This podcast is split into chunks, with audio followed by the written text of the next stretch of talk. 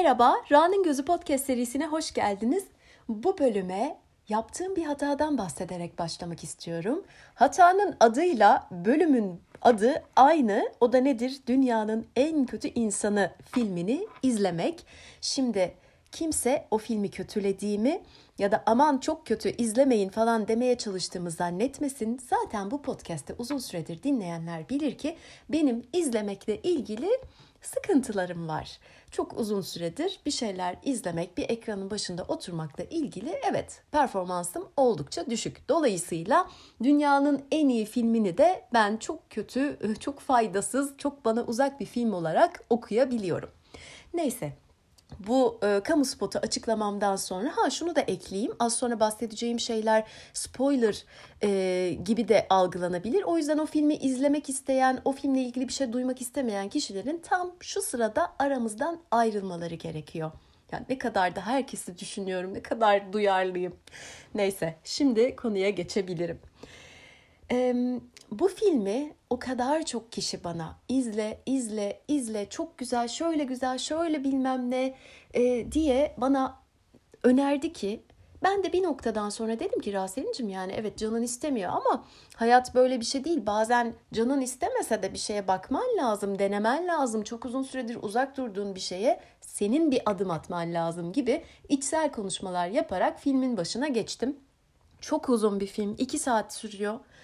Ee, ben de dolayısıyla tabii ki bir seferde izleyemeyeceğimin farkındaydım. Ben e, 2 saatlik film, filmi 24 saate yayarak bir gün içinde bitirmeyi başardım. Bu benim dünyamda bence bir başarı. Filmin bir de şöyle bir sıkıntısı vardı.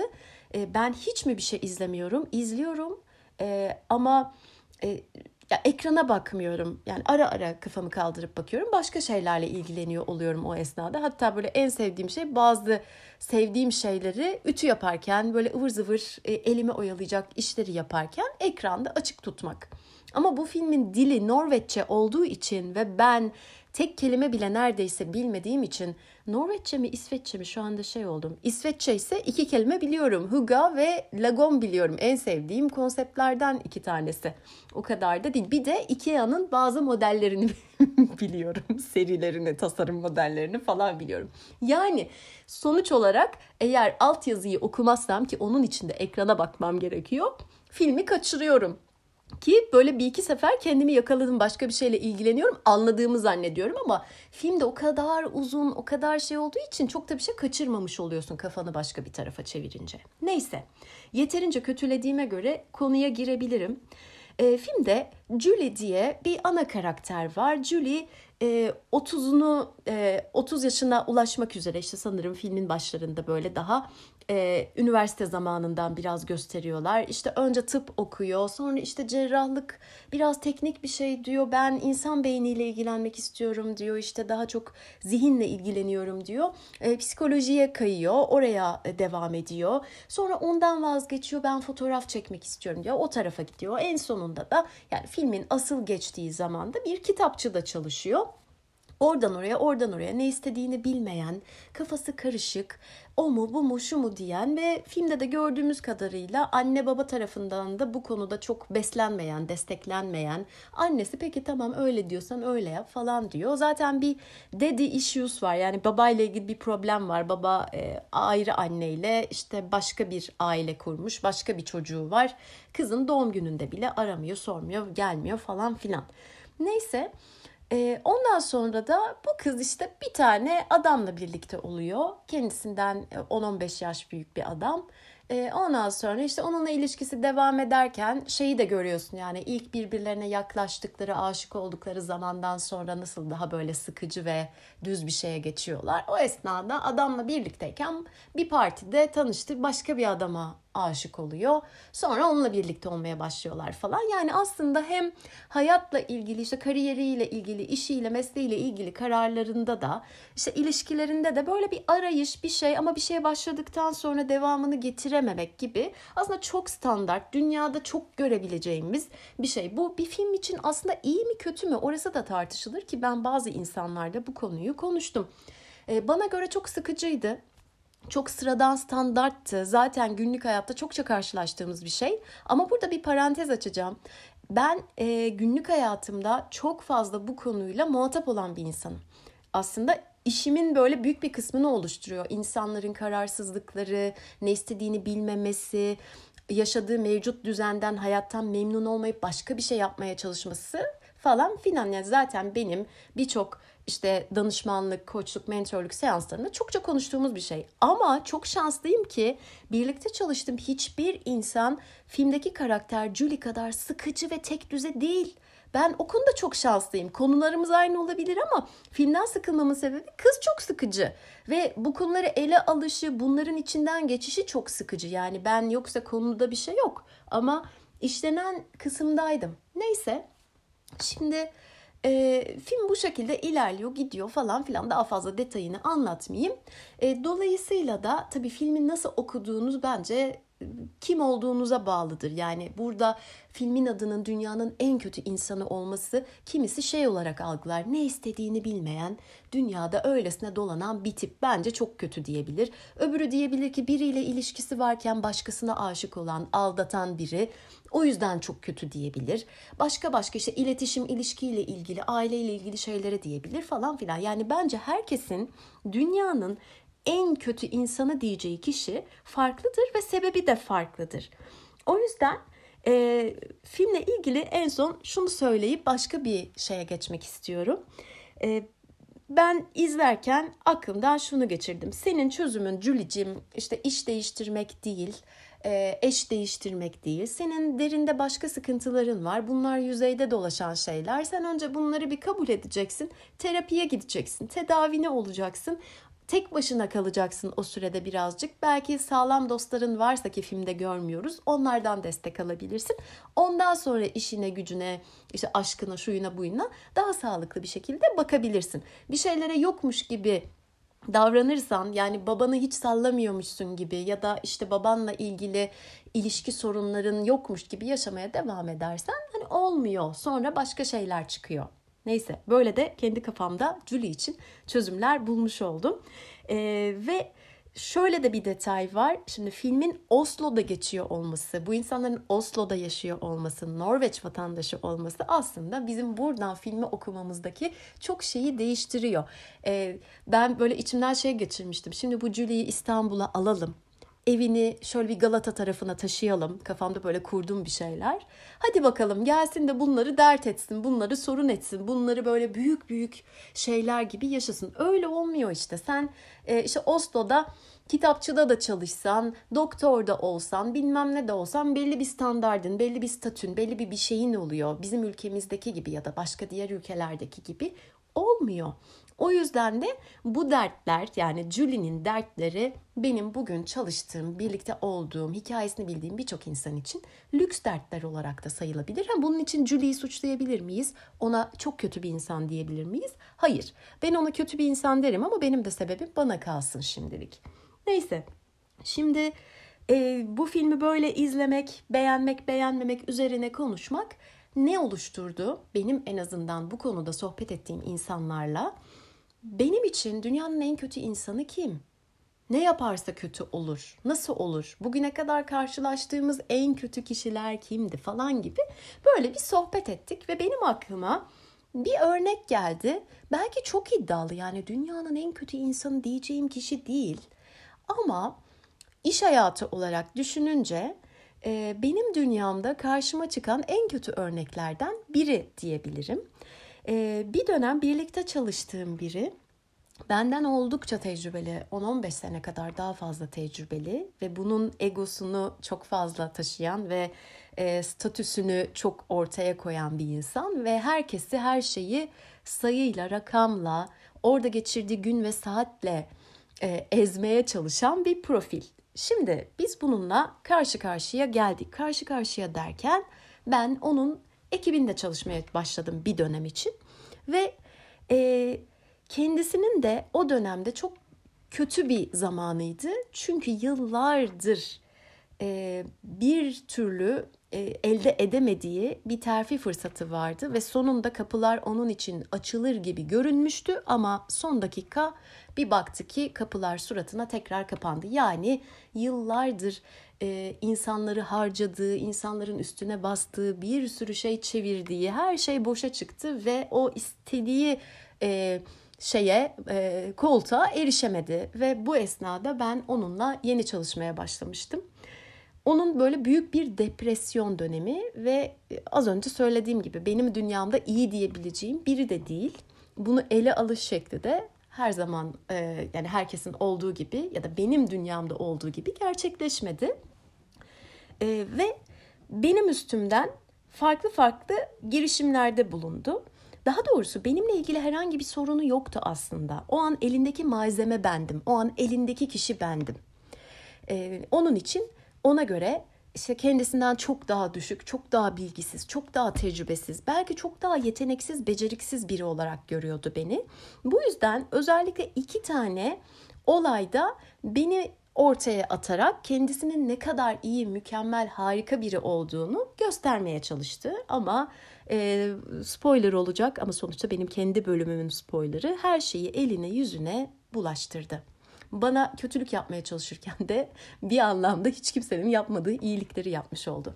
Bir tane örnek büyük bir organizasyon. Yüzlerce kişinin katıldığı, benim tabii ki hiç kimseyi tanımadığım, nasıl, ne yapılacak, nasıl yapılacak, nerede yapılacak, işler nasıl yürüyor, kurallar nedir, hiç hiç hiçbir şey bilmediğim bir organizasyon zamanında yıllık izin kullandı ve aniden plan yaparak beni de o organizasyonla baş başa bırakarak gitmeye karar verdi.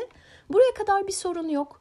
Ekiplerle çalışıyorsanız herkesin özel günü, hastalığı, aile durumları değişebilir. Herkes istediği zaman da izin kullanabilir. Ve kim gidiyorsa, geriye kimler kaldıysa işlere onlar bakar. Bu çok normal bir şeydir. Ama bu kasıtlı ve e, hedefli olduğu zaman siz de bunu biliyorsanız bununla ilgili de çok fazla e, işte kanıt varsa olaya farklı gözle bakıyorsunuz ki kanıtlarımdan bir tanesi şuydu. E, ben elimden geldiğince iş devri alarak e, işte arkadaşlarıma sorarak nasıl oluyor, ne oluyor, benim ne yapmam gerekiyor, neye dikkat etmem gerekiyor gibi bir çalışma yaparken e, yardım etmemek bir yana ikide bir yanıma gelip herkesin ortasında şöyle diyordu. Raselin'cim ben yarın gidiyorum. 15 gün boyunca bana asla ulaşamayacaksın farkındasın değil mi? deyip gülerek geri yerine dönüyordu. Ben de şöyle kalıyordum. Ben zaten çok ölüm kalım meselesi değilse ki bazen öyle meselelerde de yani ben aramam ki tatilde olan birini. Yani şey diye düşündüm ya ne yapabilir ki? Yani artık hani ben de şey yapamıyorsam hani ikide bir arıyorsam ben neden oradayım gibi bir yaklaşımım vardır. Ama e, ben ve diğer bunu görenler ve şahit olanlar şöyle bir şey e, söylüyorlardı. Aman tanrım bu nasıl bir kötülük? Bu nasıl planlı bir kötülük? Kendisi bunu belki de e, stres düzeyini arttırmak, kendini rahatlatmak, Bakalım nasıl eline yüzüne bulaştıracak ve ben döndüğümde herkes bana nasıl ah sensiz olmuyor. Sen olmazsan olmuyor ya. Sensiz yapamıyoruz. Şu kıza da vermişsin gitmişsin eline yüzüne bulaştırdı. Nereden buldun bunu falan demesini bekliyordu. Ama beklediği etkiyi uyandırmamak bir yana insanlarda şunu tetikledi. Yani böyle organize bir kötülük olamaz. Rasel'in neye ihtiyacın varsa farklı birimlerdeki insanlar bile bu işten hiç anlamayan, hiç bilmeyen insanlar bile yanıma gelip ne istiyorsun? Gece gerekirse seninle kalalım, burada kalalım. Ne yapmak gerekiyor? Yani aklına gelebilecek ne iş olursa olsun ver biz yapalım gibi bana yaklaşıp bana tekliflerde bulunmaya başladılar. Destek oldular ve sonrasında gerçekten şansım o kadar güzel gitti ki insanların da desteği yardımıyla. Ben de zaten rahattım yani hani ne yapayım? Sonuçta ben burada 15-20 yıldır bu işi yapmıyorum. E, olduğu kadar yapacağım. İnsanlar da ne kadar tatlılar, iyiler. Herkes bana destek oldu ve mükemmel bir şekilde o organizasyon tamamlandı. Ondan sonra e, bu tabii bunu öğrenince çok bozuldu tatil dönüşünde. İlk sorusu e, nasıl oldu? Sorun çıkmadı mı? Her şey yolunda gitti mi? Allah Allah şans size yardım etmiş falan gibi yorumlar oldu. Sonra bundan birazcık zaman geçti. Bunun yine böyle bir e, tetiklenmesi oldu. Yine üst e, taraftan kendisinin istemediği bir şekilde bir şeyler ilerledi ve yine e, dışarıya bir mesaj vermek istedi, bir intikam almak istedi. Yine kendisinin ne kadar mükemmel, diğer insanların ne kadar işe yaramaz olduğunu göstermek için ki kendisi için e, en önemli o normalde kimseye bırakmayacağı bir konuydu üst yönetimle birebir yapılacak görüşmeler. Üst yönetimle görüşmeler yapılacak, birebir yapılacak. Kendisinin yapması gerekiyor ve onlardan aldığı işte geri bildirime göre, onlardan aldığı taleplere göre de o seneki plan program yapılacak. Şimdi bu da yine son dakika ben o görüşmelere gitmeyeceğim. Rasel'in gidecek dedi. Benim haberim yok. Adamların hiçbirini tanımıyorum. Çok yeniyim. E, kendisine göre çok tecrübesizim, çok çömezim, çok junior'ım. Yani hani e, kendisi de bunun üzerinden aynen o organizasyonda olduğu gibi bunu mu karşıma getirdiniz tepkileri bekliyor. E, herkesin onu aramasını, onu istemesini. yani işte benim üzerimden yine belki Rasel'in olarak benden nefret etmiyor ya da bana bir plan yapmıyor ama o an elinde ben varım ve bunu kullanıyor yani. Bu organizasyonların, bu görüşmelerin hepsi benim üstüme kaldı. Ben tek tek e, hiç tanımadığım, bilmediğim, normal şartlarda benim görüşmemem gereken bir sürü insanla toplantı yaptım, görüştüm, tanıştım. Bir sürü işte bilgileri aldım falan falan falan. Ondan sonra şöyle ilerledi konu. Şimdi e, beni onlarla normal şartlarda birebir bir araya getirme şansı yoktu. Hiçbir e, işte oradaki düzenin şeyin e, bu şansımız olunca o insanlarla temasa girdik, tanıştık. Çoğuyla da birbirimizi sevdik, iyi anlaştık. E, bunun getirisi ne oldu?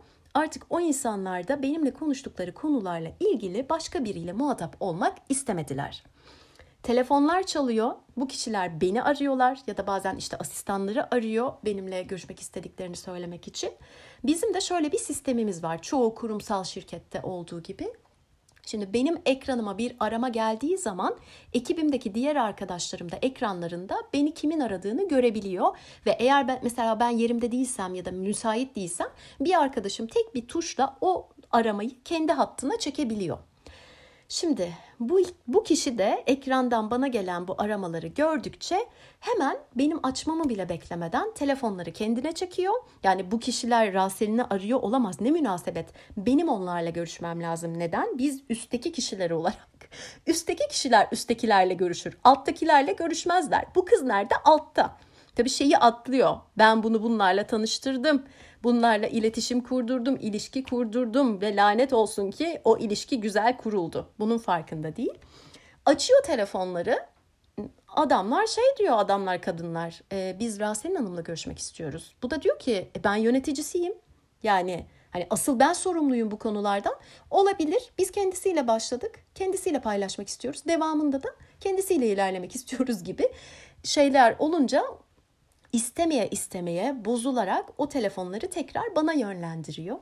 Sonrasında bunu o kadar hazmedemiyor ki açık ofiste şöyle odasından çıkıp herkesin duyabileceği şekilde bu arada kadınlardan bahsetmiyor. Sürekli adamları çünkü dedikodu olmasını istiyor bununla ilgili böyle bir e, göndermede bulunmak istiyor. Kadınları bir tarafa bırakarak sadece adamlarla ilgili isimlerini söyleyerek işte X Bey de hani asistanı aradı.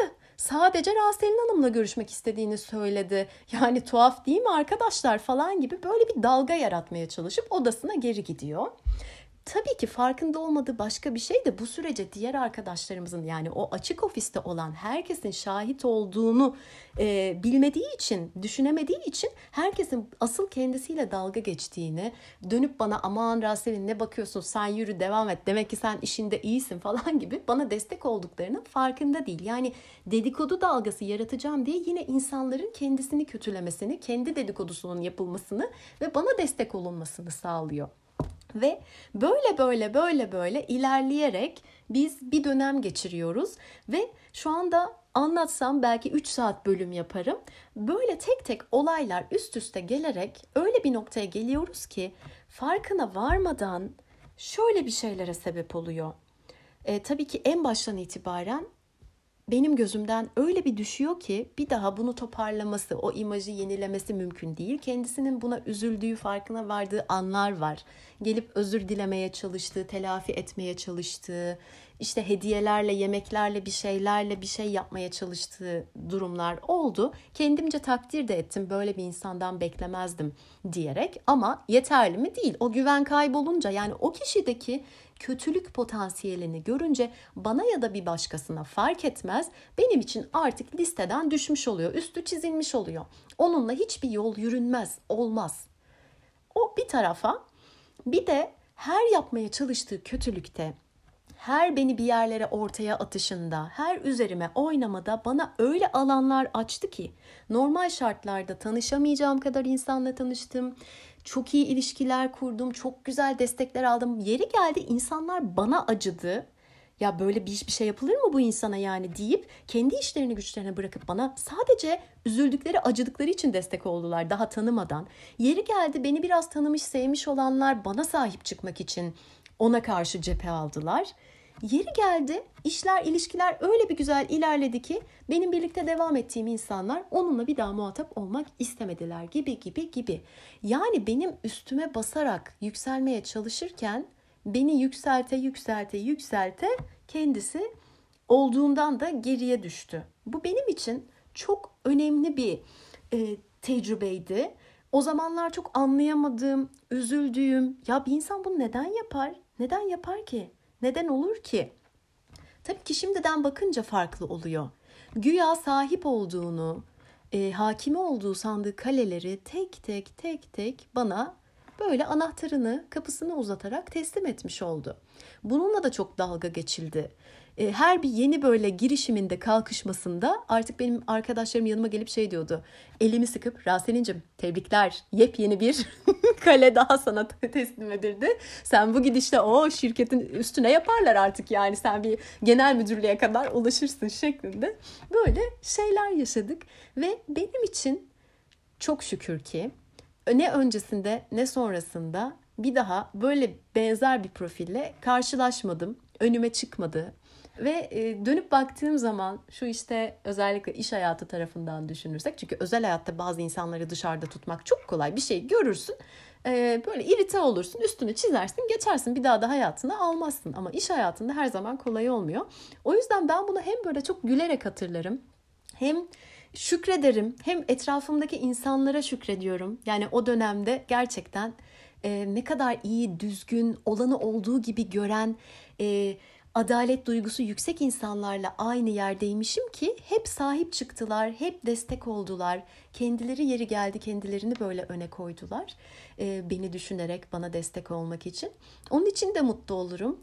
E, bu hikayenin bu tarafında olduğum için de mutlu olurum. O tarafında yani kötü tarafta olmayı asla istemezdim. Onun yükü çok daha ağır olmalı. Ben sonuçta önüme koyan, koyulan engelleri fırsata da doğal olarak çevirip ilerleyip gittim yani. Ama öbür tarafta kalsaydım o yani uykusuz geceler, sönmeyen ateşler içinde kalacaktım. Yani özetle e, benim için dünyanın en kötü insan tecrübesi de bu şekildeydi. Ama bugün bile yaptığım işlerde onun faydasını görüyorum Kendisi farkında olmasa da zaman zaman kulaklarını çınlatıp ya ona da bir teşekkür edemedim ya gerçekten şu an mesela şu kişiyle şu işi yapıyorsam onun sayesinde çünkü onun beni ittiği bir şey sayesinde ben şununla tanışmıştım sonra şöyle olmuştu diye ismini de andığım oluyor. Bir yandan da diyorum ki o da onun yolu. O da onun misyonu. O da başka türlü hayata tutunmayı, yaşamayı bilmiyor. Onu belli noktalarda anlıyorum. Ama anlamak, hak vermek ya da onun karşısında geri adım atmak anlamına gelmiyor. Ve bu dünya iyiler için zordur derler genelde ama bence kötüler için gerçekten çok daha zor bir yer. Onlara yollarında başarılar ve şifalar diliyorum ve bu bölümü burada bitiriyorum. Sonraki bölümlerde görüşmek üzere. Hoşçakalın.